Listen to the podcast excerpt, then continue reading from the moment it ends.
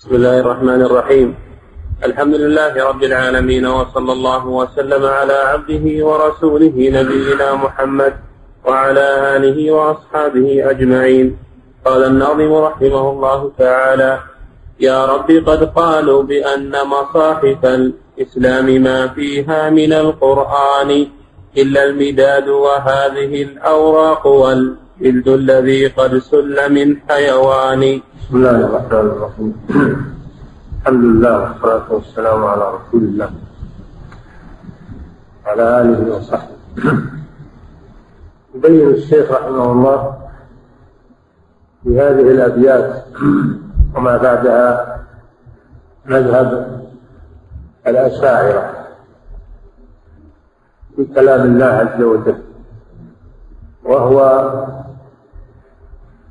قريب من مذهب الجهمية. الجهمية يقولون القرآن مخلوق لفظه ومعناه. لفظه ومعناه مخلوق وليس هو كلام الله. هذا قول الجهمية. وهذا سبق. ويقرب منه قول الأشاعرة والكلابية. إن القرآن معناه ليس بمخلوق وأما لفظه فهو مخلوق. فالمعنى هو القائم بالنفس الإلهية هو كلام الله هو المعنى القائم بالنفس الإلهية ولم يتكلم الله به. ولكن جبريل حكى عن الله ما في نفسه. أو أن محمدا هو الذي عبر عما في نفس الله عز وجل. فهو حكاية عن كلام الله أو عبارة عن كلام الله. والمعنى واحد. فهو موافق الجهمية لأن الله لم يتكلم بالقرآن. وإنما هو كلام الرسول الملكي أو الرسول البشري. وخالفوهم في شيء لا حقيقة فقالوا إن إن الكلام هو المعنى القائم بالنفس الإلهية وهذا اخترعوه من عندهم. يعني ما في في اللغات ولا عند الناس أن الذي في النفس يسمى كلاما. في لغة أم أمة من الأمم ما فيها إن ما في النفوس يسمى كلاما حتى ينطق به ويتكلم به. وأما ما في النفس فلا يسمى كلاما. على أحد قال هذه المقالة. لا من أهل اللغة ولا من أهل ولا من أهل علماء الكلام ولا غيره. ما أحد قال. هذه المخترعة التي قالوا. ويحكون بيتا قاله الأخطل أخطل شاعر معروف نصراني. في عهد بني أمية. شاعر في عهد بني أمية نصراني. قال إن الكلام لفي الفؤاد وإنما جعل اللسان على الفؤاد دليلا. فقال إن الكلام لفي الفؤاد قالوا فهذا دليل على أن ما في النفس يسمى كلام والرد على هذا أولا هذا البيت من منتحى ما وجد في شعر الأخضر ولا في دواوين. ما وجد في دواوينه ولا في شعره هو عربي فصيح. في عهد بني أمية ممن يحتج بشعرهم في اللغة لكن ما ما وجد هذا في دواوينه وأيضا لو صح عن الأخطل أنه قال هذا الأخطل نصراني. الأخطل نصراني. والنصارى يقولون في الله عز وجل أعظم من هذا. يقولون إن الله ثالث ثلاثة ويقولون المسيح ابن الله. ويقولون في حق الله كفر والإلحاد أو نصراني لا يحتج في كلامه. لو ثبت هذا عنه.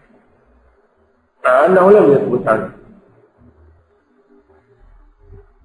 فهو في الحقيقة شابه النصارى في ما قالوه في المسيح. يقولون في المسيح بعضه إله وبعض بشر. اتحد اللاهوت بالناسوت. وتكون عيسى عليه السلام. من الإلهية ومن البشرية.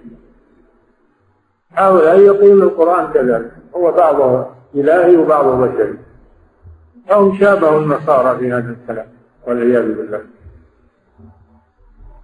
هذا مذهب الكلابية والأشاعرة في كلام الله أن المعنى غير مخلوق وأما اللفظ فهو مخلوق. ولذلك لا يقيمون وزنا للمصاحف. لأنهم يقولون الذي فيها ليس هو كلام الله. كلام الله ما في نفسه. أما ما في هذه هذه المصاحف هو كلام البشر وهو مخلوق. لذلك لا يحترمون المصاحف. أن الذي فيها عندهم ليس هو كلام الله وإنما هو كلام البشر. إما كلام جبريل أو كلام محمد. وأما كلام الله فهو المعنى القائم في نفسه فقط. ويقولون القرآن هذا مخلوق. لأنه عبارة عن حروف وأصوات وجلد من الحيوان يعني مسل من الحيوان وما هو كلام الله عز وجل. بل هو كلام الخلق إما جبريل وإما محمد. نعم. لذلك لا يحترمون المصاحف. وأن ما فيها ليس هو كلام الله. وإن لم يصرحوا بهذا لكن يلزم هذا على مذهب بعضهم يصرح بهذا. يعني والكل مخلوق ولست بقائل أصلا ولا حرفا من القرآن. يا رب قد قالوا بأن مصاحف الإسلام ما فيها من القرآن. إلا المداد وهذه الأوراق والجلد الذي قد سل من حيوان. ولذلك لا يحترمون يقول هذه كلها مخلوقة. المداد مخلوق والورق مخلوق والجلد مخلوق. ولا في الكلام لله عز وجل. نعم. والكل مخلوق ولست بقائل أصلا ولا حرفا من القرآن. نعم.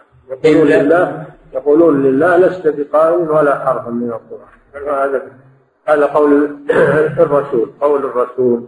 الله جل وعلا يقول وما هو بقول وما هو بقول آه، يقول سبحانه وتعالى إنه لقرآن كريم. يقول آه، وما هو بقول شاعر قليلا ما تؤمنون ولا بقول كاهن قليلا ما تذكرون. تنزيل من رب العالمين. نسبه إلى الملك فقال قول رسول كريم أنه مبلغ عن الله. وأنه مبلغ عن الله. قول رسول كريم الذي هو الملك جبريل أو الرسول محمد صلى الله عليه وسلم. لكن هذه النسبة نسبة تبليغ فقط. أما القائل فهو الله جل وعلا. والكلام إنما يضاف إلى من قاله مبتدئا لا إلى من قاله مبلغا. مؤديا الدليل على ذلك أنه أضافه إلى نفسه. سماه كلاما. يريدون أن يبدلوا كلام الله. فأجره حتى يسمع كلام الله. نسبه إلى نفسه. ثم نسبه إلى الرسول. فقال قول رسول كريم. ولا يمكن أن يكون الكلام يعني لشخصين أو لمتكلمين. ما يمكن هذا إلا أنه لواحد. إلا أنه لواحد لا يصح أن يكون من قول المخلوق. لا بد أن يكون من قول الخالق سبحانه وتعالى. وإضافته إلى المخلوق إضافة تبليغ فقط. نعم. هذا الجمع بين كون أضافه إلى نفسه ثم أضافه إلى الرسول. لأنه أضافه إلى نفسه لأنه قاله مبتدئا وأضافه إلى الرسول لأنه قاله مبلغا. عن الله ومؤديا له. لأنه لا يمكن أن يكون الكلام من اثنين أبدا. مستحيل أن يكون الكلام صدر عن اثنين. هو لواحد لا شك. هذا الواحد ليس هو المخلوق.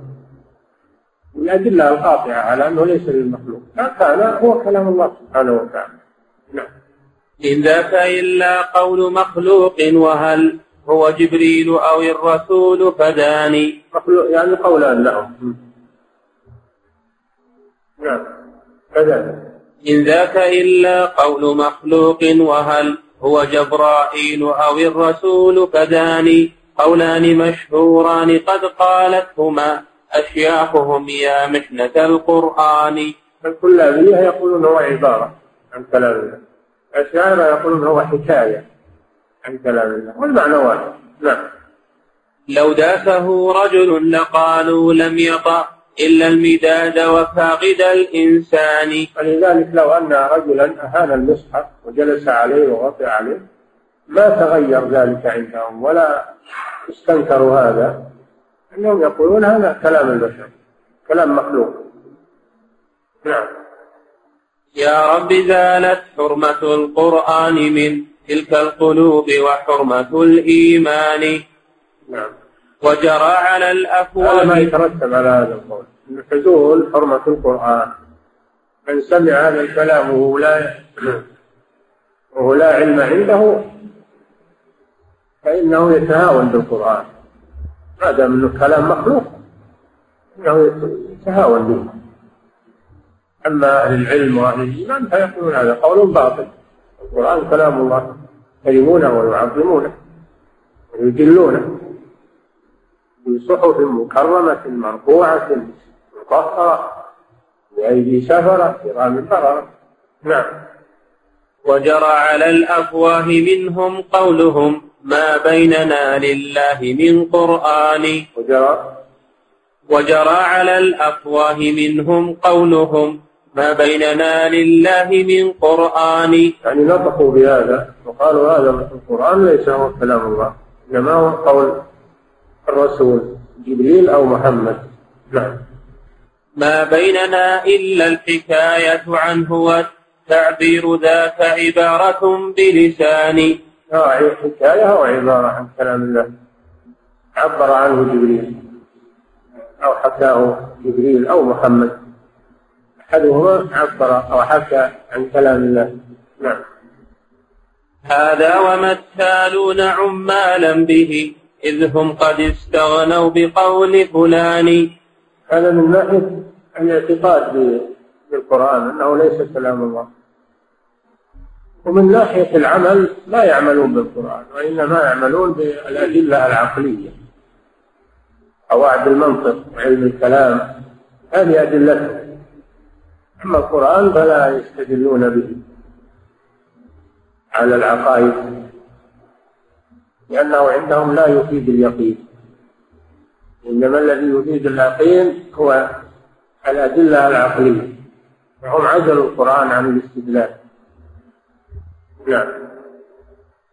إن كان قد جاز الحناجر منهم فبقدر ما عقلوا من القرآن. على هذا فهو القرآن لا يتجاوز حناجرهم لأنهم لا يفقهون معناه ولا يعملون به. نعم.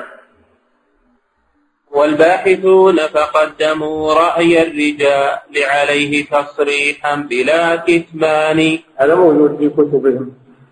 ما يستدلون بالقرآن على العقائد وإنما يستدلون بالبراهين العقلية.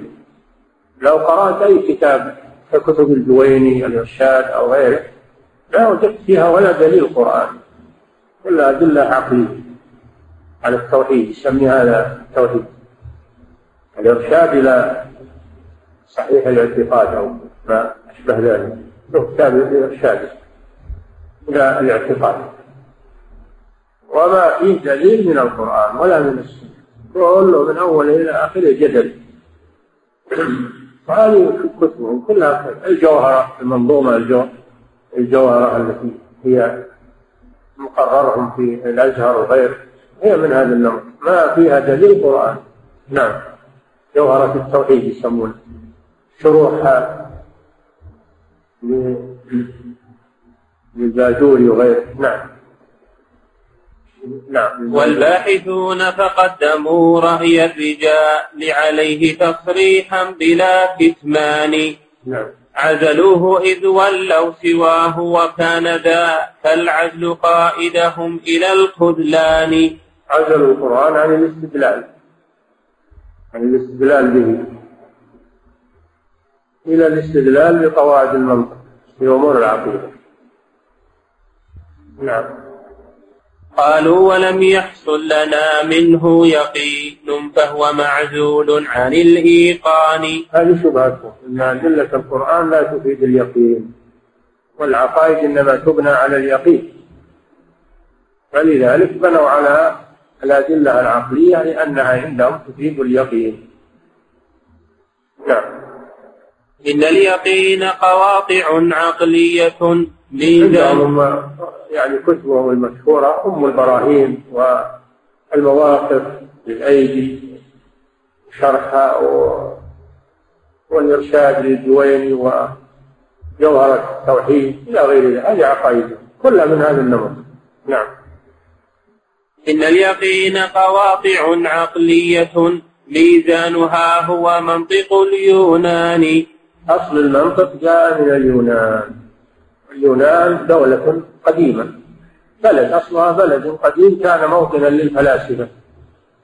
وهم الذين صنعوا هذه الأدلة العقلية. وهذه القواعد المنطقية. هذه جاءت من اليونان. وتوارثها هؤلاء. بسبب أن المأمون العباسي في خلافته أثر عليه الجهمية والمعتزلة الذين هم حاشيته. أثروا عليه. فجلب هذه الكتب من اليونان وغيرها وترجمها. يعني كون لها دار سماها دار الحكمة. وجعل فيها مترجمين. وترجموا هذه هذه الكتب. فدخلت على المسلمين وغيرت عقائد كثير منهم. صرفتهم عن القرآن. ولهذا يقول الإمام أحمد رحمه الله لا أظن أن الله ينسى المأمون. قد أدخل في الإسلام ما ليس منه. نعم. هذا دليل الرفع منه وهذه أعلامه في آخر الأزمان. نعم. يا رب من أهله حقا كي يرى أقدامهم منا على الأذقان. يقول يا رب دلنا على أهل الحق المتمسكين به حتى نجلهم ونجعلهم يمشون على أذقاننا من إكرامهم ومن نعم. يا رب من أهله حقا كي يرى. أهل القرآن يعني. يا رب من أهله حقا كي يرى. أقدامهم منا على الأذقان. يعني نجلهم ونكرمهم ونخضع لهم بالأدب. نعم. أهله نتواضع معهم. نعم. أهله من لا يرتضي منه بديلا فهو كافيهم بلا نقصان. هذول هم أهل القرآن. الذين يكتبون بالقرآن أن القرآن كافي. في العقائد في المعاملات. وفي الأخلاق وفي الأحكام بين الناس والقضاء. القرآن كافي تمت كلمة ربك صدقا وعدلا. صدقا في أخباره وعدلا في أحكامه. القرآن يكفي أهل الإيمان في العقائد وفي غيرها هؤلاء يقولون لا ما في العقائد لا. القرآن ظواهر لفظية. هو عبارة عن كلام الله. ولكن قواعد الكلام والمنطق هي هي اليقينية أما في الفقه يستدلون به في مسائل الفقه والمعاملات يقولون يكفي فيها غلبة الظن. أما القرآن فأما العقائد فلا بد من اليقين فلا يستدل بالقرآن والأحاديث عليها لأنها ظواهر ظنية. أدلة السمع يسمون. نعم. وهو الدليل لهم وهاديهم إلى الإيمان والإيقان والعرفان. فأهل الحق لا يستبدلون القرآن بغيره وهو كافيه في جميع أموره وهو دليلهم ليس لهم دليل غيره لأنه كلام رب العالمين والأحاديث كلام الرسول الذي لا ينطق عن الهوى.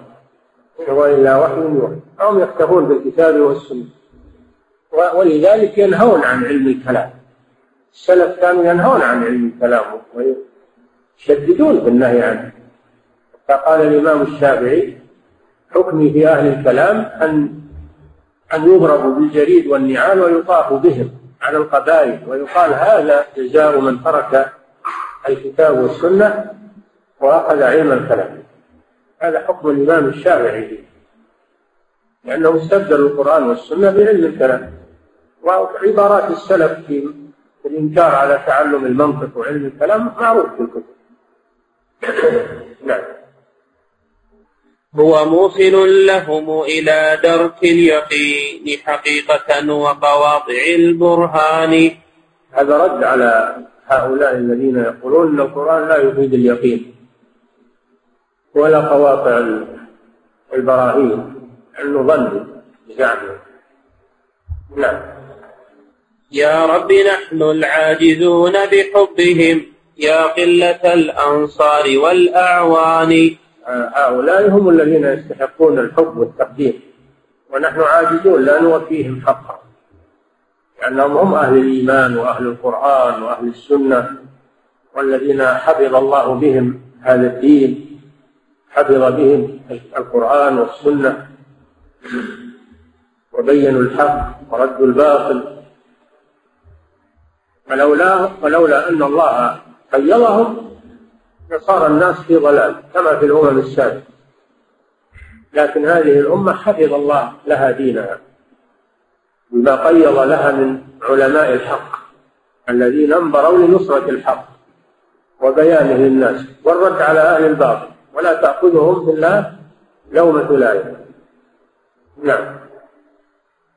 فصل في أذان أهل السنة الأعلام بصريحها جهرا على رؤوس منابر الإسلام. لما كان هذا هو مذهب أهل السنة والجماعة وهو العمل على القرآن والسنة في العقائد وفي غيرها.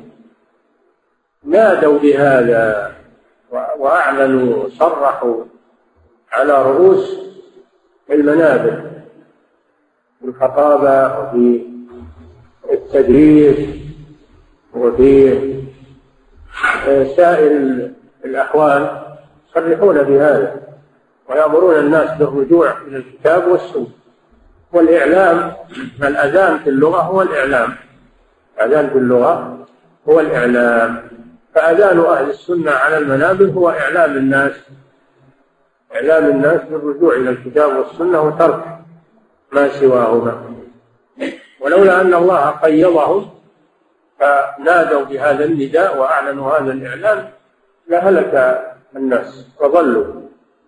وقادهم هؤلاء إلى المصير المؤلم. لكن الله قيض هؤلاء حماة لدينه. وقائمين بحجته سبحانه وتعالى. لا تزال طائفة من أمتي على الحق ظاهرين لا يضرهم من خذلهم ولا من خالفهم حتى يأتي أمر الله تبارك وتعالى. إن الله يبعث لهذه الأمة أن يجدد لها دينها. هذا من فضل الله سبحانه وتعالى. رغم أنوف هؤلاء؟ نعم. فصل في أذان أهل السنة الإعلام تصريحا نعم. وجهرا. الأعلام جمع علم نعم. نسخة الإعلام. لا غلط. نعم. فصل في أذان أهل السنة الأعلام تصريحا وجهرا على رؤوس منابر الإسلام. يا قوم. لأن الأذان هو الإعلام. كيف يجيب الإعلام وقبلها الأذان؟ هو الإعلام. نعم. الله. عنه يا قوم قد حانت صلاة الفجر فانتبهوا فإني معلن بأذاني هذا من التشبيه شبه بعثة النبي صلى الله عليه وسلم بطلوع الفجر.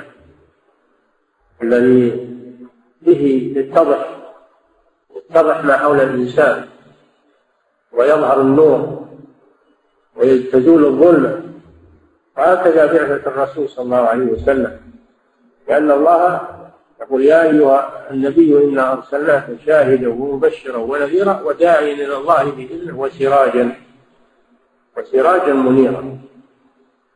وبعثته طلعة طلوع للفجر طلوع للصبح بعد الظلمة المستحكمة. نعم. يا قوم قد حانت صلاة الفجر. وكذلك كل كل مجدد يأتي بعده في وسط الظلمات. الشبه والشرك والانحراف كل مجدد فإنه فجر. فجر يطلع على المسلمين. كما هو معلوم من دعوة المجددين لهذا الدين. علم الصحيح فجر يبعثه الله في وقت حينما ينعقد الظلام. كل فترة ينعقد الظلام يطلع الله فجرا يوضح للناس. على يد عالم من العلماء المحققين.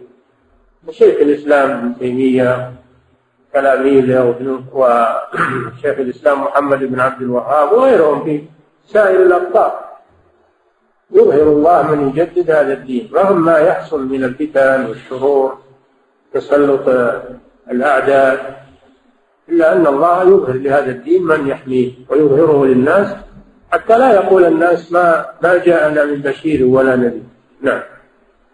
يا قوم قد حانت صلاة الفجر فانتبهوا فإني معلن بأذاني لا بالملحن والمبدل ذاك بل تأذين حق واضح التبيان. ما هو أذان تقريب تفسير؟ ولكنه أذان حق وأذان. يعني بعض الناس يقرأ القرآن أو لأجل التدبر ولأجل التفقه إنما يقرأه لأجل التلذذ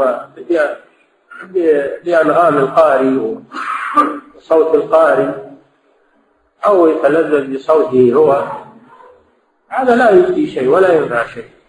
القرآن ما هو يقرأ للتلذذ به فقط. نعم تحسين الصوت به مطلوب والعناية بتلاوته تجويده هذا شيء مطلوب لكن ليس هذا هو المقصود. المقصود تدبر معانيه. معرفة التفسير والعمل به. أما الذي يقف عند تجويد التلاوة فقط هذا ما يستفيد من القرآن. ما يستفيد من القرآن. هذا يصير مثل المسجل شنو شريط مسجل سجل ما ما يستفيد لأنه آلة. تخزن الصوت ويظهر منها الصوت عندما يفتح. هذا مثل المسجل تمام. اللي ما له ما عنده إلا تجويد التلاوة فقط وتحسين الصوت ولا يفقه المعنى ولا يفهم المعنى هذا ما يستفيد من القرآن شيء نعم. ولا يستفاد منها يا نعم. وهو الذي حقا إجابته على كل امرئ فرض على الأعيان. فمن سمع هذا القارئ وهذا المعلن وجبت إجابته لأنه يعلن عن الحق كالذي يدعو إلى الباطل. نعم. الله أكبر أن يكون كلامه العربي مخلوقا من الأكوان. هذا رد على الجاهلية اللي يقولون لفظه ومعناه مخلوق واللي يقولون معناه غير مخلوق ولفظه مخلوق. حكم واحد بينهم. نعم. والله أكبر أن يكون رسوله الملكي أن رسوله. والله أكبر أن يكون رسوله الملكي أنشاه عن الرحمن. كما تقوله الأشاعرة إنه إن القرآن حكاه جبريل عن عن ما في النفس الإلهية وهو حكاية عن كلام الله نعم والله أكبر أن يكون رسوله البشري أنشاه لنا بلسان. هذا على القول الثاني لهم إن الذي حكاه هو هو محمد صلى الله عليه وسلم. هذا ما ما يختلف عن قول عن قول الوليد بن المغيرة إن هذا إلا قول البشر. ما يختلف عن قول الوليد بن المغيرة إن هذا إلا قول البشر. قال الله جل وعلا سأصليه سقر نعم. هذه مقا نعم. هذه مقالات لكم يا أمة التشبيه ما أنتم على إيمان. نعم. اللي هم الجهمية أو الأشاعرة والكلابية. نعم. شبهتم الرحمن بالأوثان في عدم الكلام وذاك للأوثان. الذي حملهم على هذا أن يقولوا أن الكلام أن القرآن كلام جبريل أو كلام محمد الذي حملهم على هذا قالوا إن الله لا يتكلم لأنه لو تكلم صار شبيها بالخلق لأن الخلق يتكلمون. فهم بزعمهم نزهوا الله عن مشابهة مخلوقه فنفوا عنه الكلام. الرد عليهم أن يقال هذا قد رده الله في القرآن إن الذي لا يتكلم ليس بإله الذي لا يتكلم ليس بإله كما في سورة الأعراف اتخذ قوم موسى من بعده من حليهم عجلا جسدا له خوار ألم يروا أنه لا يكلمهم ولا يهديهم سبيلا اتخذوه وكانوا ظالمين. فلو كان الله لا يتكلم لقال لقال بنو إسرائيل لما سمعوا هذا أيضا أيضا الله لا يتكلم. وكذلك في سورة طه وما أعجلك عن قولك يا موسى قال هم أولئك على أثري وعجلت إليك ربي لترضى. قال فإنا قد فتنا قومك من بعد وأضلهم السامري فأخرج لهم عجلا جسدا له خوار. قالوا هذا إلهكم وإله موسى فنسي. أفلا يرون هذا رد عليهم؟ أفلا يرون ألا يرجع إليهم قولا ولا يملك لهم ضرا ولا نفعا الذي لا يتكلم هذا دليل على أنه ليس بإله. وهم لم ينظروا إلى هذا. نعم. فمن صفات الإله أنه يتكلم. إذا كان لا يتكلم فليس بإله. يصير مثل مثل العجل عجل بني إسرائيل. نعم. شبهتم الرحمن بالأوثان في عدم الكلام وذاك للأوثان مما يدل بأنها ليست بآلهة وذا البرهان في القرآن. وهذا الدليل في القرآن إن الذي لا يتكلم لا يصلح أن يكون إلها اثنين في القرآن؟ في سورة الأعراف وفي سورة طه في قصة العجل. نعم. في سورة الأعراف مع طه وثالثها فلا تعدل عن القرآن. نعم. فالله أبطل عبادة العجل أنه لا يتكلم. نعم. أفصح بأن الجاحدين لكونه متكلما بحقيقة وبيان. هم أهل تعطيل وتشبيه معا. بالجامدات عظيمة النقصان. أفصح بأن الجاحدين لكونه متكلما بحقيقة وبيان. هم أهل تعطيل وتشبيه معا بالجامدات عظيمة النقصان. فكل من نفى كلام الله كل من نفى كلام الله أو أسماءه وصفاته فإنه مشبه ومعطل في آن واحد. كل معطل فهو مشبه في آن واحد. لأنه لما عطله عن عن أسمائه وصفاته شبهه بالجامدات. فلما نفى عن الله الكلام شبهه بالجامدات التي لا تتكلم. فهو جمع بين التعطيل وبين التشبيه. نعم. لا تقذفوا بالداء منكم شيعة الرحمن أهل العلم والعرفان. لأنهم يقولون إن من أثبت الكلام لله فهو مشبه ومجسم لأنه شبهه بالمخلوقين الذين يتكلمون. نحن نعكس هذا عليهم ونقول أنتم المشبهة. أنتم شبهتموه بالجمادات التي لا تنطق ولا تتكلم. أما نحن فأثبتنا له ما أثبت لنفسه. وعندنا فرق بين كلام الخالق وكلام المخلوق. كسائر الصفات فيها فرق بين صفات الخالق وصفات المخلوق. الحاصل أنهم شبهوا أولا ثم عطلوا ثانيا. وكل معطل فهو مشبه. نعم. وهم يلقبون أهل السنة بالمشبهة والمجسمة فيرمونهم بدائهم هم كما يقال رمتني بدائها ويسلم نعم. إن الذي نزل الأمين به على قلب. لا تقذفوا بالداء منكم شيعة الرحمن أهل العلم والعرفان. فليسوا مشبهة كما تقولون. نعم. إن الذي نزل الأمين به على قلب الرسول الواضح البرهان هو قول رب اللفظ والمعنى جميعا إذ هما أخوان مصطحبان نعم الذي نزل به الأمين وهو جبريل عليه السلام على قلب الرسول صلى الله عليه وسلم. كما قال تعالى نزل به الروح الأمين على قلبك لتكون من المنذرين. بلسان عربي مبين. هو كلام الله. هو كلام الله حقا. لفظه ومعناه.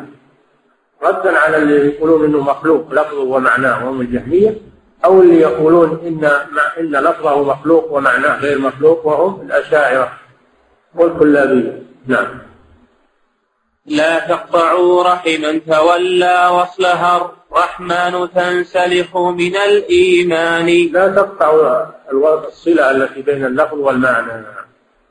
يقولون اللفظ مخلوق والمعنى غير مخلوق. لا الجميع غير مخلوق. هذا من قطع ما أمر الله به أن يوصل. نعم. ولقد شفانا قول شاعرنا الذي قال الصواب وجاء بالإحسان. إن الذي هو في المصاحف مثبت بأنامل الأشياخ والشبان هو قول ربي آيه وحروفه ومدادنا والرق مخلوقان هذا القحطاني رحمه الله في قصيدته النونية التي رد بها على الأشاعرة. والقحطاني هذا لم يعثر له على ترجمة فيما أعلم لكن قصيدته جيدة. ونقل ابن القيم عنه هنا يدل على أنه قبله في الزمان على أنه سابق لابن القيم. فهو نقل هذه هذه الأبيات من القصيدة القحطانية التي رد فيها على الأشاعرة. قال إن الذي هو في المصاحف مثبت بأنامل الأشياخ والشبان هو قول ربي آله وحروفه ليس مخلوقا. المعنى واللفظ ليس مخلوقا ومدادنا الذي هو الحبر الذي نكتب به القرآن والرق الذي هو القرطاس الذي نكتب عليه هذا مخلوق. المداد مخلوق والرق مخلوق. أما الكلام فهو كلام الله سبحانه وتعالى. نعم. والله أكبر من على العرش استوى لكنه استولى على الأكوان. والله أكبر. هذا تكبير ثاني انتقل من مسألة الكلام إلى مسألة الاستواء. لأن الأشاعرة أيضا ينفون الاستواء على العرش ويؤولونه ويقولون استوى بمعنى استولى. فيزيدون اللام. يزيدون اللام على كلام الله. استوى يقولون استولى. كقول اليهود لما قيل لهم قولوا حطة أي حط عنا ذنوبنا قالوا شنطة زادوا النون. هذا من التحريف تحريف اللفظ وهو بالزيادة أو النقص في كلام الله سبحانه وتعالى. فهم يقولون استوى أي استولى. ولا في لغة العرب أن استوى بمعنى استوى أبدا. في لغة العرب أن استوى على الشيء بمعنى ارتفع. ارتفع عليه وعلى عليه.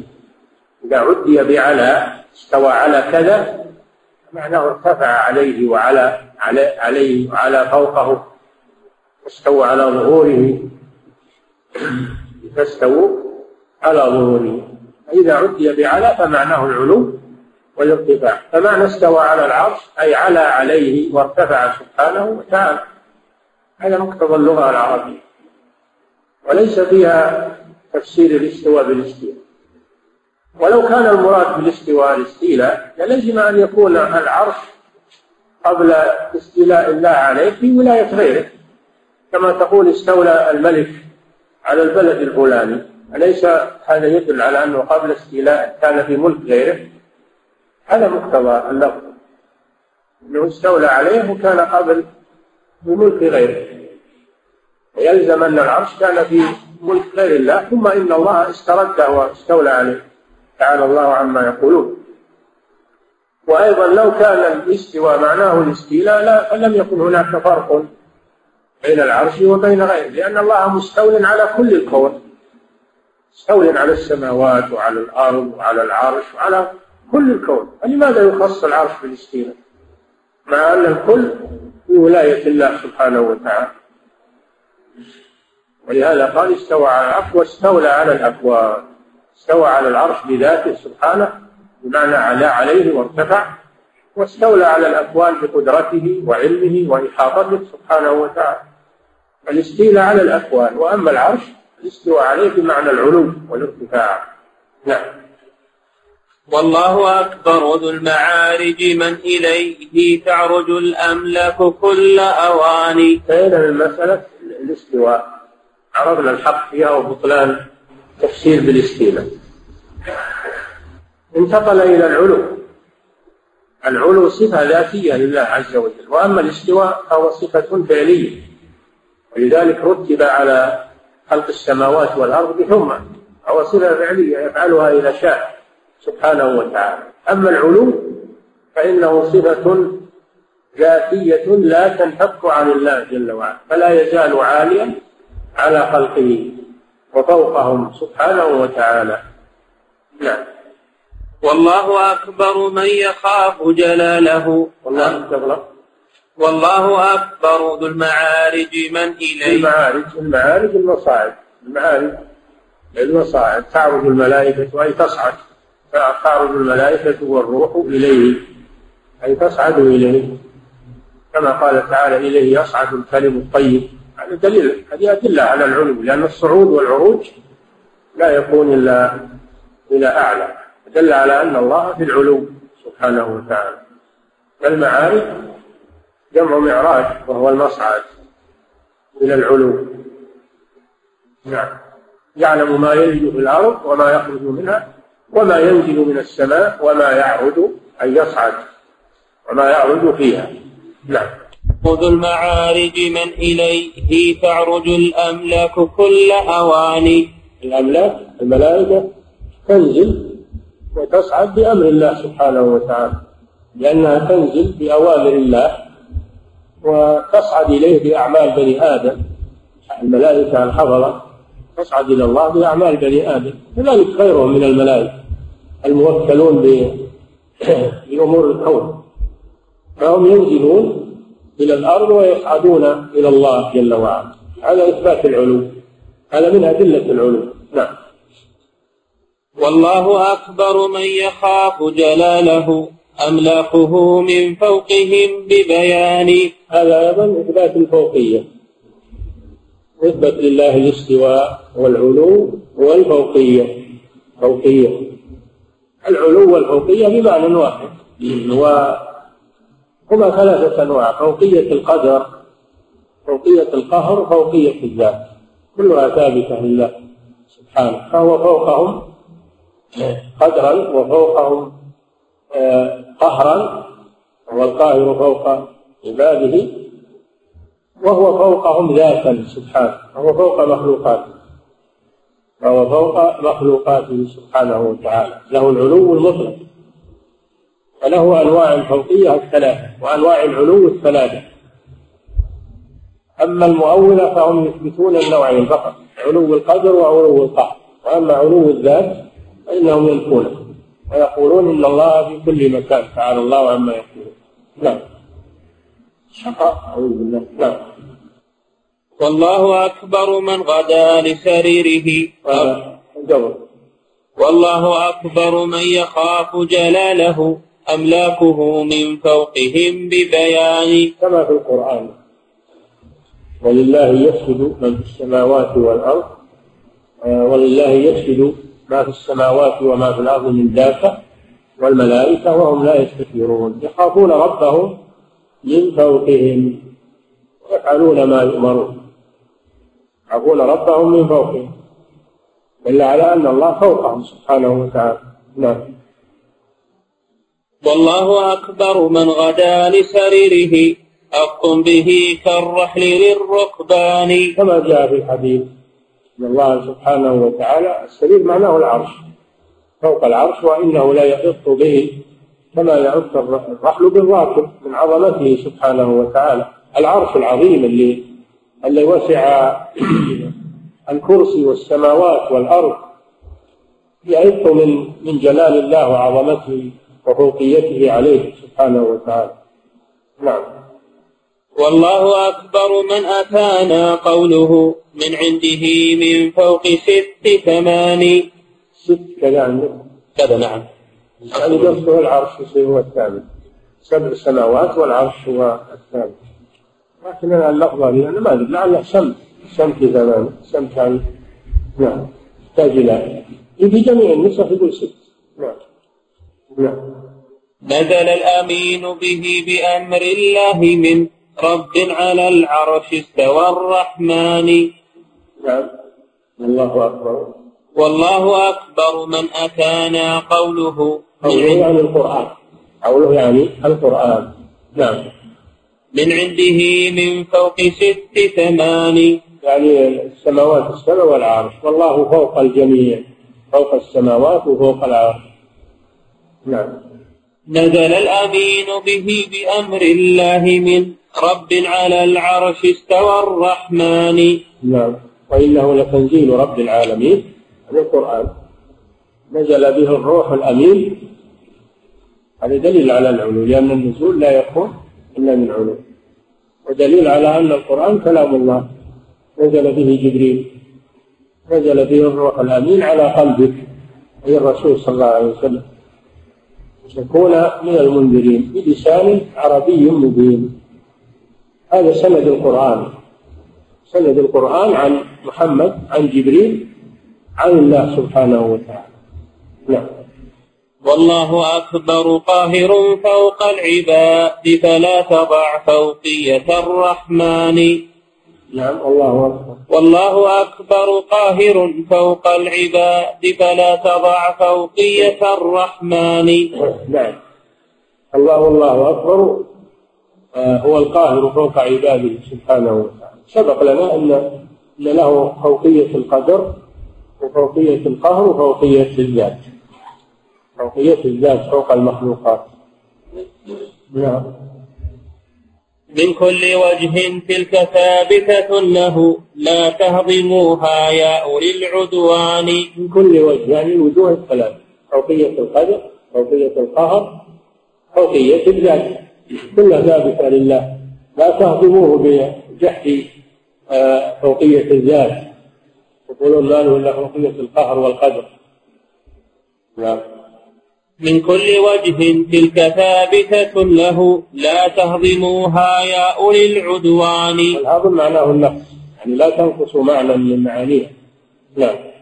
قهرا وقدرا واستواء الذات فوق. هذه هذه أنواع العلو وأنواع الفوقية. قهرا وقدرا والذات استواء الذات وعلو الذات فوق المخلوقات. نعم. قهرا وقدرا واستواء الذات فوق العرش بالبرهان والقرآن. أعلى المخلوقات هو العرش. أعلى المخلوقات هو العرش وهو أعظمها والله جل وعلا فوق العرش وفوق مخلوقاته. نعم. فبذاته خلق السماوات العلى ثم استوى بالذات فافهم ذاني لأن الله قال إن ربكم الله الذي خلق السماوات والأرض في ستة أيام ثم استوى على العرش الضمير في قوله خلق وين يرجع؟ ها؟ الضمير في قوله خلق لأن خلق فيه ضمير خلق هو وين يرجع الضمير؟ يرجع إلى الله إن ربكم الله كذلك ثم استوى على العرش فيه ضمير استوى ضمير. وين يرجع؟ يرجع إلى الله فدل على أنه هو الذي استوى على العرش بذاته سبحانه وتعالى. فكما أنه هو الذي خلق الخلق بذاته فكذلك هو الذي استوى على العرش بذاته. أما أنكم تقولون نعم هو الذي خلق الخلق بذاته ولكن استوى على العرش بأمره واستيلائه وقهره هذا تفريط بين متماثلين نعم. فبذاته خلق السماوات العلى ثم استوى بالذات فافهم ذاني. فضمير فعل الاستواء يعود للذات التي ذكرت بلا فرقان. نعم الذات التي ذكرت. الله إن ربكم الله الذي خلق أي الله خلق السماوات والأرض في ستة أيام ثم استوى على العرش أي الله جل وعلا. الضمير واحد ومرجع واحد بالفعلين. فلماذا تفرقون؟ نعم. هو ربنا خالق هو مستو. بالذات هذه كلها بوزان لا والله أكبر ذو العلو المطلق المعلوم بالفطرة للإنسان. لما انتهى من الاستواء انتقل إلى العلو. عرفنا الفرق بينهما. العلو صفة ذات والاستواء صفة فعل. نعم. فعلوه من كل وجه ثابت. وقالوا قالوا أيضا من الفروق أن العلو ثبت بدليل الوحي. أما الاستواء الاستواء ثبت بدليل الوحي فقط. وأما العلو فثبت بدليل القرآن والسنة والإجماع والفطرة هذا من الفروق أيضا. الاستواء ثبت بدليل السمع أي القرآن والسنة. لأن العقل ما يدخل في هذا. وأما العلو فقد ثبت بالدليل العقلي والدليل السمعي والفطرة السليمة. فالجهال واللي ما تعلموا والبدو الأعراب إذا إذا دعوا وين يتجهون بدعائهم؟ يتجهون إلى العلو. ينظرون إلى السماء يرفعون يديهم إلى السماء. وهم ما علمهم أحد ولا تنسوا العقيد لكن فطرتهم هكذا نعم. والله أكبر ذو العلو المطلق المعلوم بالفطرات للإنسان. الفطرات مثل ما قلت لكم الأعراب واللي ما تعلموا يرفعون أبصارهم إلى السماء عند السؤال. يعني فطرة ضرورية. فطرة ضرورية. ما ما تعلموا وقيل لهم العلو والاستواء ما تعلموا هالأمور هذه. لكن فطرتهم تتوجه إلى السماء. نعم فعلوه من كل وجه ثابت. الله أكبر جل ذو السلطان. والله أكبر من رقى فوق الطباء رسوله فدنا من الديان. كما في أول سورة النجم؟ في أول سورة النجم. ما ضل صاحبكم وما غوى وما ينطق عن الهوى إن هو إلا وحي يوحى علمه. شديد القوى ذو مرة فاستوى وهو بالأفق الأعلى ثم دنا فتجلى فكان قاب قوسين أو أدنى فأوحى إلى عبده ما أوحى. وفي سورة الإسراء سبحان الذي أسرى بعبده ليلا من المسجد الحرام إلى المسجد الأقصى. الإسراء قبل المعراج أسري به ثم عرج به عليه الصلاة والسلام في ليلة واحدة ثم رجع إلى مكة في ليلة واحدة. والله قادر على كل شيء. الرسول عرج إلى ربه. هذا دليل على إثبات العلو لله سبحانه وتعالى. من صعد ورفع إلى ربه. والإسراء والمعراج ثابت بالكتاب والسنة وإجماع المسلمين وهو معجزة معجزات الرسول صلى الله عليه وسلم. من جحده كفر. من أنكر الإسراء والمعراج فقد كفر. والإسراء والمعراج كان بالروح والبدن. كان بالروح والبدن وليس هو بالروح فقط كما يقوله المحرفون والمخرفون لأن الله جل وعلا يقول أسرى بعبده. والعبد اسم للروح والبدن العبد اسم للروح فقط. أسرى بعبده. والحديث يفصل هذا. وجبريل جاءه وهو نائم في بيت أم هانئ وجاء بالبراق دابة سريعة العدو وحمله عليها. إلى أن وصل إلى بيت المقدس ثم صلى بالأنبياء في بيت المقدس ثم عرج به إلى السماء. هذا بالروح والبدن ليس بالروح فقط. نعم. وإليه قد عرج الرسول حقيقة لا تنكر المعراج بالبهتان. ودنا من الجبار جل جلاله. ودنا فتدلى دنا من الله يعني. نعم. ودنا من الجبار جل جلاله. ودنا إليه الرب ذو الإحسان. نعم. والله قد أحصى الذي قد قلتم. في ذلك المعراج بالميزان. لأن لهم أكاذيب في المعراج وافتراءات وتأويلات. الله قد أحصاها وسيحاسبهم عليها سبحانه وتعالى. لأنهم تكلموا في الإسراء والمعراج بكلام كثير من التأويل والتحريف والافتراءات ولم يثبتوه على الوجه الصحيح. نعم. وهو معجزة من معجزات الرسول صلى الله عليه وسلم. يثبت كما جاء. سائر معجزاته صلى الله عليه وسلم. ما يقاس في بأفعال البشر قال كيف راح بليلة وحده ورجع وكيف صعد إلى السماء. والسماء كما هو معلوم مرتفعة جدا عن الأرض.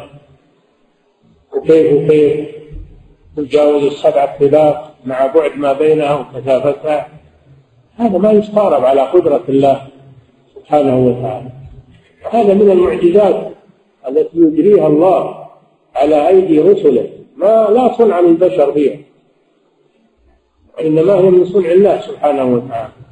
لا نتدخل بأفهامنا وعقولنا وقياساتنا ونسأل لماذا وكيف وكيف وكيف.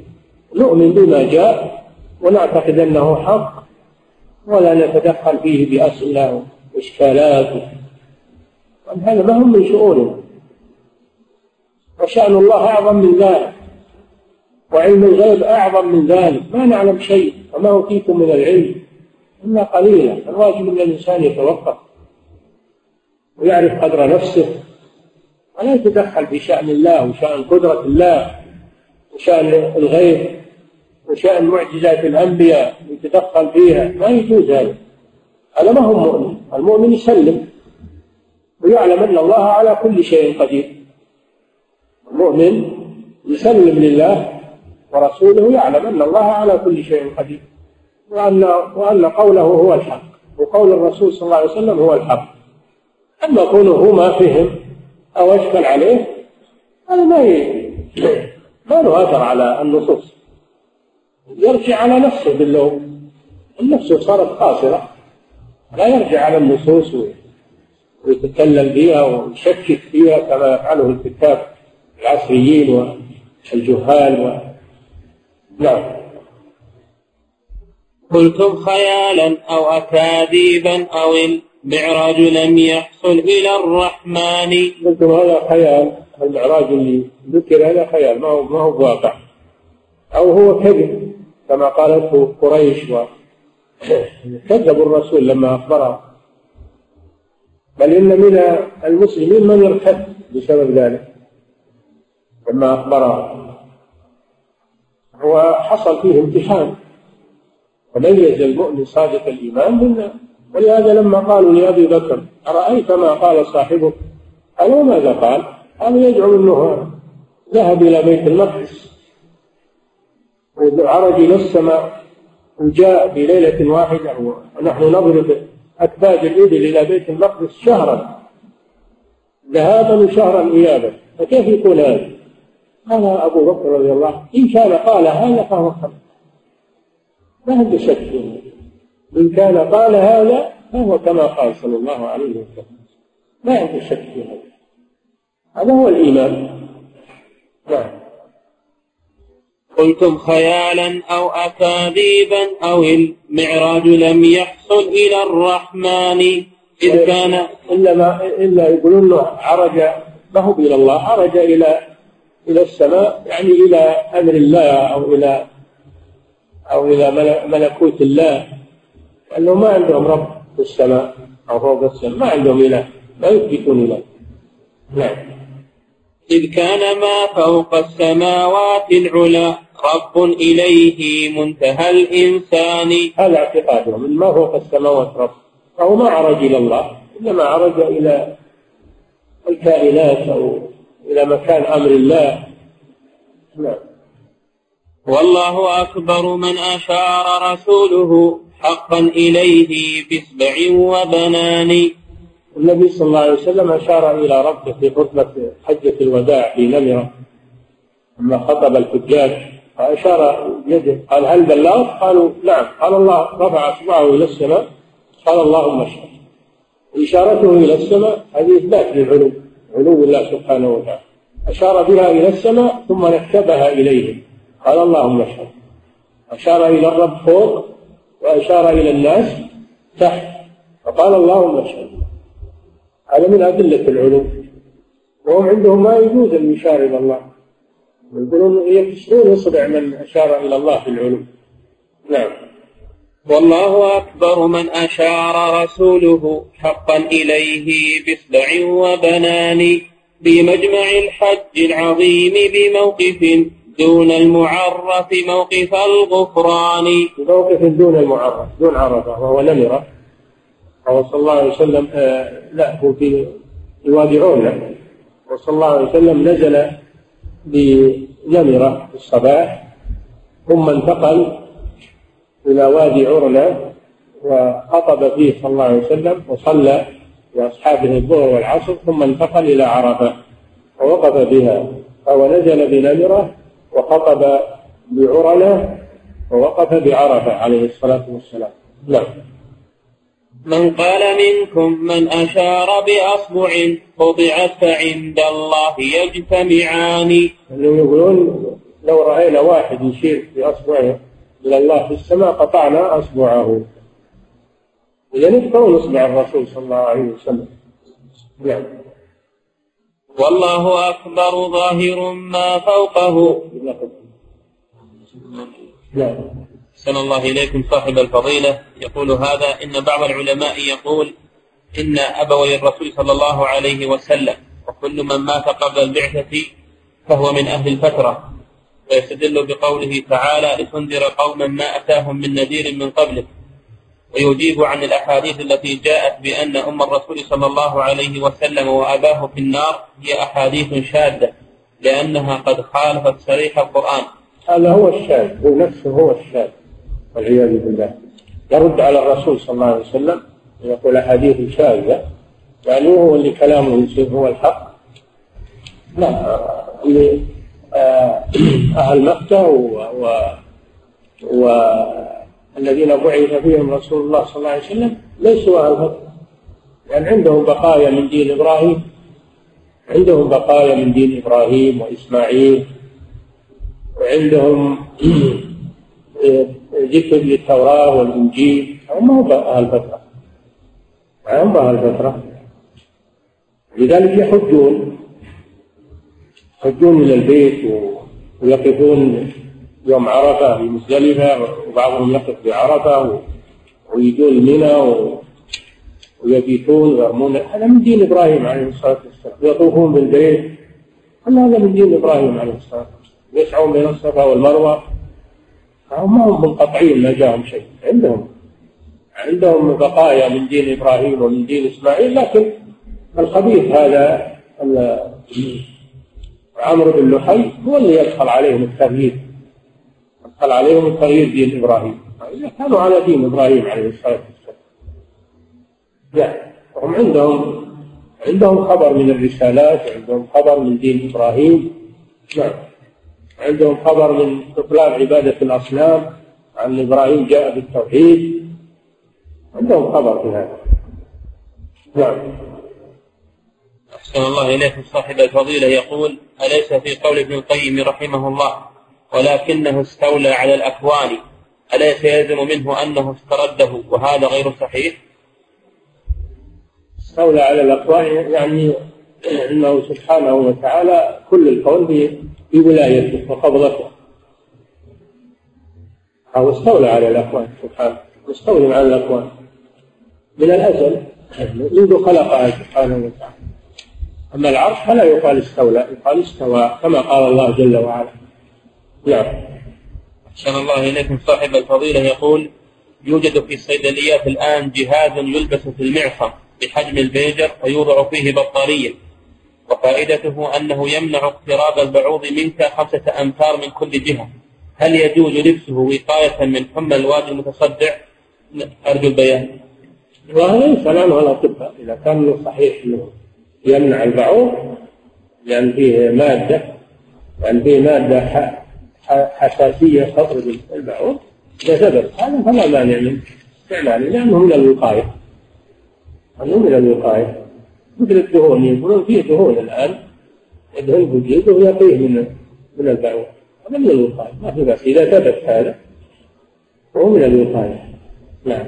هذا يدل على ضعف البشر. الآن أخافوا من البعوض تخوفوا من البعوض الآن هذا يدل على ضعف البشر. اللي وينهم عند أنفسهم و... نعم. أحسن الله إليكم. صاحب الفضيلة يقول هل الوباء المنتشر الآن يقاس على الطاعون حيث لا يدخل حيث لا يدخل إلى البلد التي هو فيه ولا يخرج منها؟ لا لا. لا شك ان إن الوباء أنه يجب إنه من من كان في البلد الذي هو فيه لا يخرج. ومن كان خارجها لا يدخل فيها هذا من الوقاية. هذا من الوقاية. الوقايه للناس ما يخرج لهم واحد. قد يحمل هذا الوباء. ومن الوقاية للذي في الخارج أنه لا يدخل إلى الخطر عمر رضي الله عنه لما أقبل على على الشام وقد وقع فيها الطاعون لم يدخلها. قال له أبو عبيدة رضي الله عنه تفر من قدر الله قال نعم نفر من قدر الله إلى قدر الله. لأن الرسول صلى الله عليه وسلم قال إذا سمعتم به في بلد فلا تقدموا عليه. هذا من الوقاية. وقد أمرنا باتخاذ الوقاية. نعم. أحسن الله إليكم. صاحب الفضيلة يقول هل أحد من الأنبياء غير محمد صلوات الله وسلامه عليهم عرج به إلى السماء؟ ما نعلم هذا. خاص بالرسول صلى الله عليه وسلم. الله ما نعلم. ما نعلم. هذا إلا المسيح عليه السلام. رفع. المسيح لما تآمروا على قتله رفع من بينهم رفعه الله إليه وسينزل في آخر الزمان لقتل الدجال وإظهار دين محمد صلى الله عليه وسلم حكم بالشريعة الإسلامية. عيسى عليه السلام رفع إلى السماء لكن ما هو مثل المعراج الذي حصل لمحمد صلى الله عليه وسلم. نعم. إدريس ما رفع مكان عليا الله أعلم. رفع بعد موته. رفع بعد موته. نعم.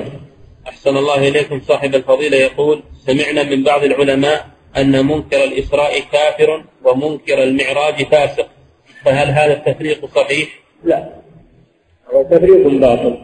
منكر المعراج مثل منكر الإسراء. كلهم كفار. لأن الجميع ذكر في القرآن. ذكر في القرآن الإسراء في سورة بني إسرائيل وذكر المعراج في سورة النجم. الذي يفرق بينهما يفرق بما دل عليه القرآن. نعم. أحسن الله إليكم صاحب الفضيلة. ما, ما أريد أن, أن أحد يتدخل هذه العلوم العظيمة ويجيب أفكار جديدة. يسعنا يا إخواننا وسع السلف لا يجوز لنا نتدخل في أفكار جديدة وعلم جديد ونترك ما عليه سلفنا الصالح. السلف ما فرقوا بين هذا. منين جاء التفريق نعم. أحسن الله إليكم. صاحب الفضيلة يقول المسلم إذا عمل أمورا شركية على علم ثم تاب منها هل يحبط عمله السابق؟ هذا محل خلاف يعني إذا عمل أعمالا صالحة عمل أعمالا صالحة في حال الكفر ثم تاب ودخل في الإسلام هذا محل خلاف. من العلماء من يقول إنها حادثة لكن بدايته من التوبة من دخوله في الإسلام ومنهم من يقول لا إن أعماله السابقة الصالحة تحسب له إذا تاب إلى الله. ولذلك لما سأل أحد الصحابة رسول الله صلى الله عليه وسلم عن أعماله قبل الإسلام إنه كان يعمل كذا ويعمل كذا قال له صلى الله عليه وسلم أسلمت على ما أسلفت من خير. فأخبره أن ما مضى من الأعمال الصالحة يحسب له إذا أسلم. ولعل هذا هو الصحيح إن شاء الله. سؤال عفى الله عنك المسلم إذا عمل أمورا شركية. وكذلك منها نفس الخلاف في الاثنين نعم المرتد أو الكافر الأصلي معنى واحد. نعم. أحسن الله إليكم. والمرتد الله جل وعلا يقول ومن يرتد منكم عن دينه فيمت وهو كافر أولئك حبطت أعمالهم. قيد حبوط الأعمال بموته على الكفر. دل على أنه لو تاب فإن أعماله لا تبطل. نعم. أحسن الله إليكم. صاحب الفضيلة يقول هل المعراج إلى السماء حصل بالبراق؟ لا المعراج البراق هذا في الأرض في الأرض. صار به من مكة إلى بيت المقدس. أما إلى السماء قد عرج به بالمعراج وهو آلة آلة الصعود. المعراج آلة الصعود والله أعلم بكيفيتها وما هي. الله أعلم بذلك. نعم. أحسن الله إليكم صاحب الفضيلة يقول هل يجوز إثبات دنو الله عز وجل من الرسول صلى الله عليه وسلم في ليلة المعراج؟ وما الدليل على ذلك؟ ظاهر الآية. ثم دنا فتدلى فأوحى إلى عبده إلى عبده عبد من؟ عبد الله سبحانه وتعالى. دل على أن الذي دنا هو الله وأنه أوحى إلى عبده محمد صلى الله عليه وسلم. ومن المفسرين من يقول المراد جبريل. علمه شديد القوى. هذا جبريل. ذو مرة فاستوى وهو بالأفق الأعلى ثم دنا أي جبريل فتدلى. فأوحى إلى عبده أي عبد الله. هو فيه تعسف يعني لأن الضمير هذا راجع إلى الله عز وجل. يكون الذي أوحى إلى عبده هو الله وليس جبريل. ظاهر الآية والله أعلم أن الذي دنا هو الله جل وعلا. والقول الثاني أن ذلك هو جبريل. نعم. أحسن الله إليكم. يقول عندما أسري به صلى الله عليه وسلم ثم وجد إخوانه من الأنبياء والرسل في السماء هل كان وجودهم في هذه الليلة فقط أم أن أرواح الأنبياء وأجسادهم في السماء تكون بعد موتهم عليهم الصلاة والسلام؟ الله أعلم. هو لقيهم في الأرض في بيت المقدس وصلابهم ولقيهم في السماء. وهذه أمور برزخية هذه من أمور الغيب. التي لا يعلمها إلا الله. والله على كل شيء قدير.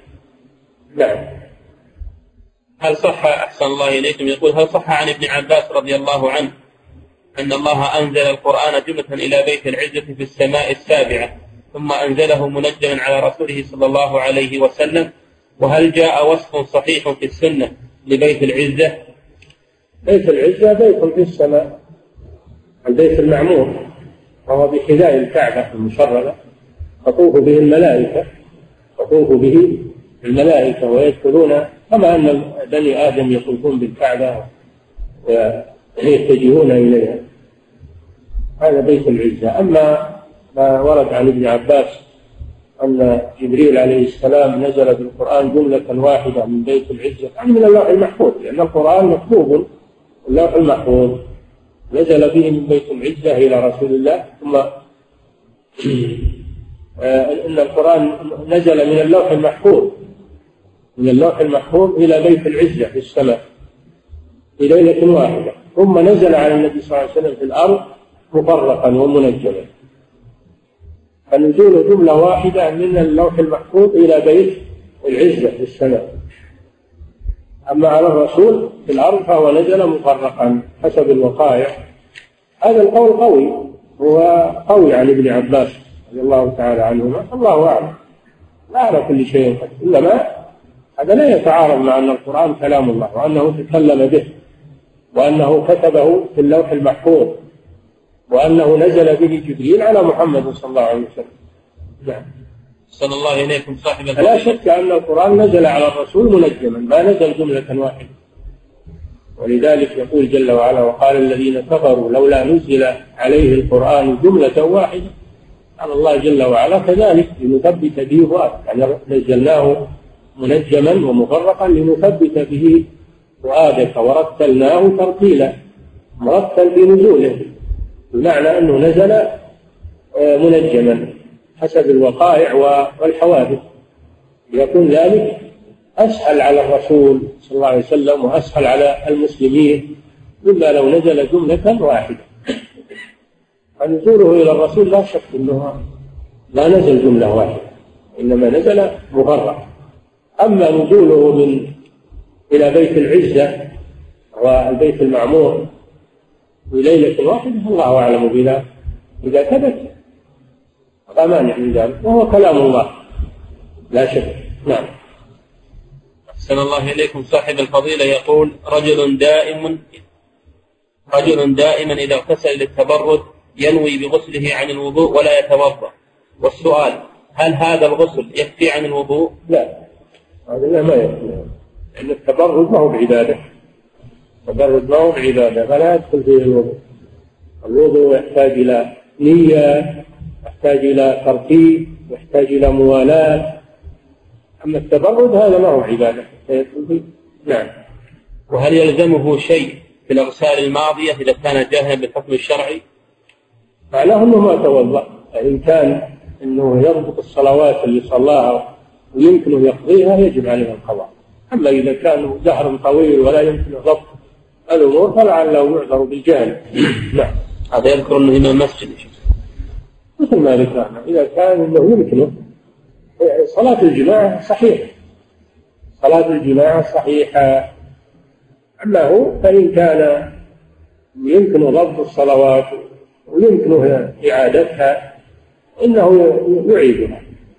أما إذا كان ما يمكن ضبطها أو هي كثيرة جدا ويشق عليه إعادتها فإنه يعذر بالجهل. نعم. أحسن الله إليكم. صاحب الفضيلة يقول يقول الرسول صلى الله عليه وسلم لا عدوى ولا طير. ورد عنه عليه الصلاة والسلام أنه قال فر من المجذوم فرارك من الأسد. وكذلك أنه قال لمجذوم جاء يبايع اذهب فقد بايعناك ولم يصافح. ما هو الجمع بين هذه الأحاديث؟ الجمع واضح. هو قوله لا عدوى هذا رد على أهل الجاهلية الذين يعتقدون أن المرض ينتقل بنفسه ويتعدى بنفسه. هذه عقيدة أهل الجاهلية. لا أن الله هو الذي يدبره وينقله. أما قوله فر من المجنون فرارك من الأسد هذا معناه اتخاذ الوقاية. ونحن أمرنا باتخاذ الوقاية والأسباب النافعة. هذا من الوقاية والأسباب النافعة. نعم.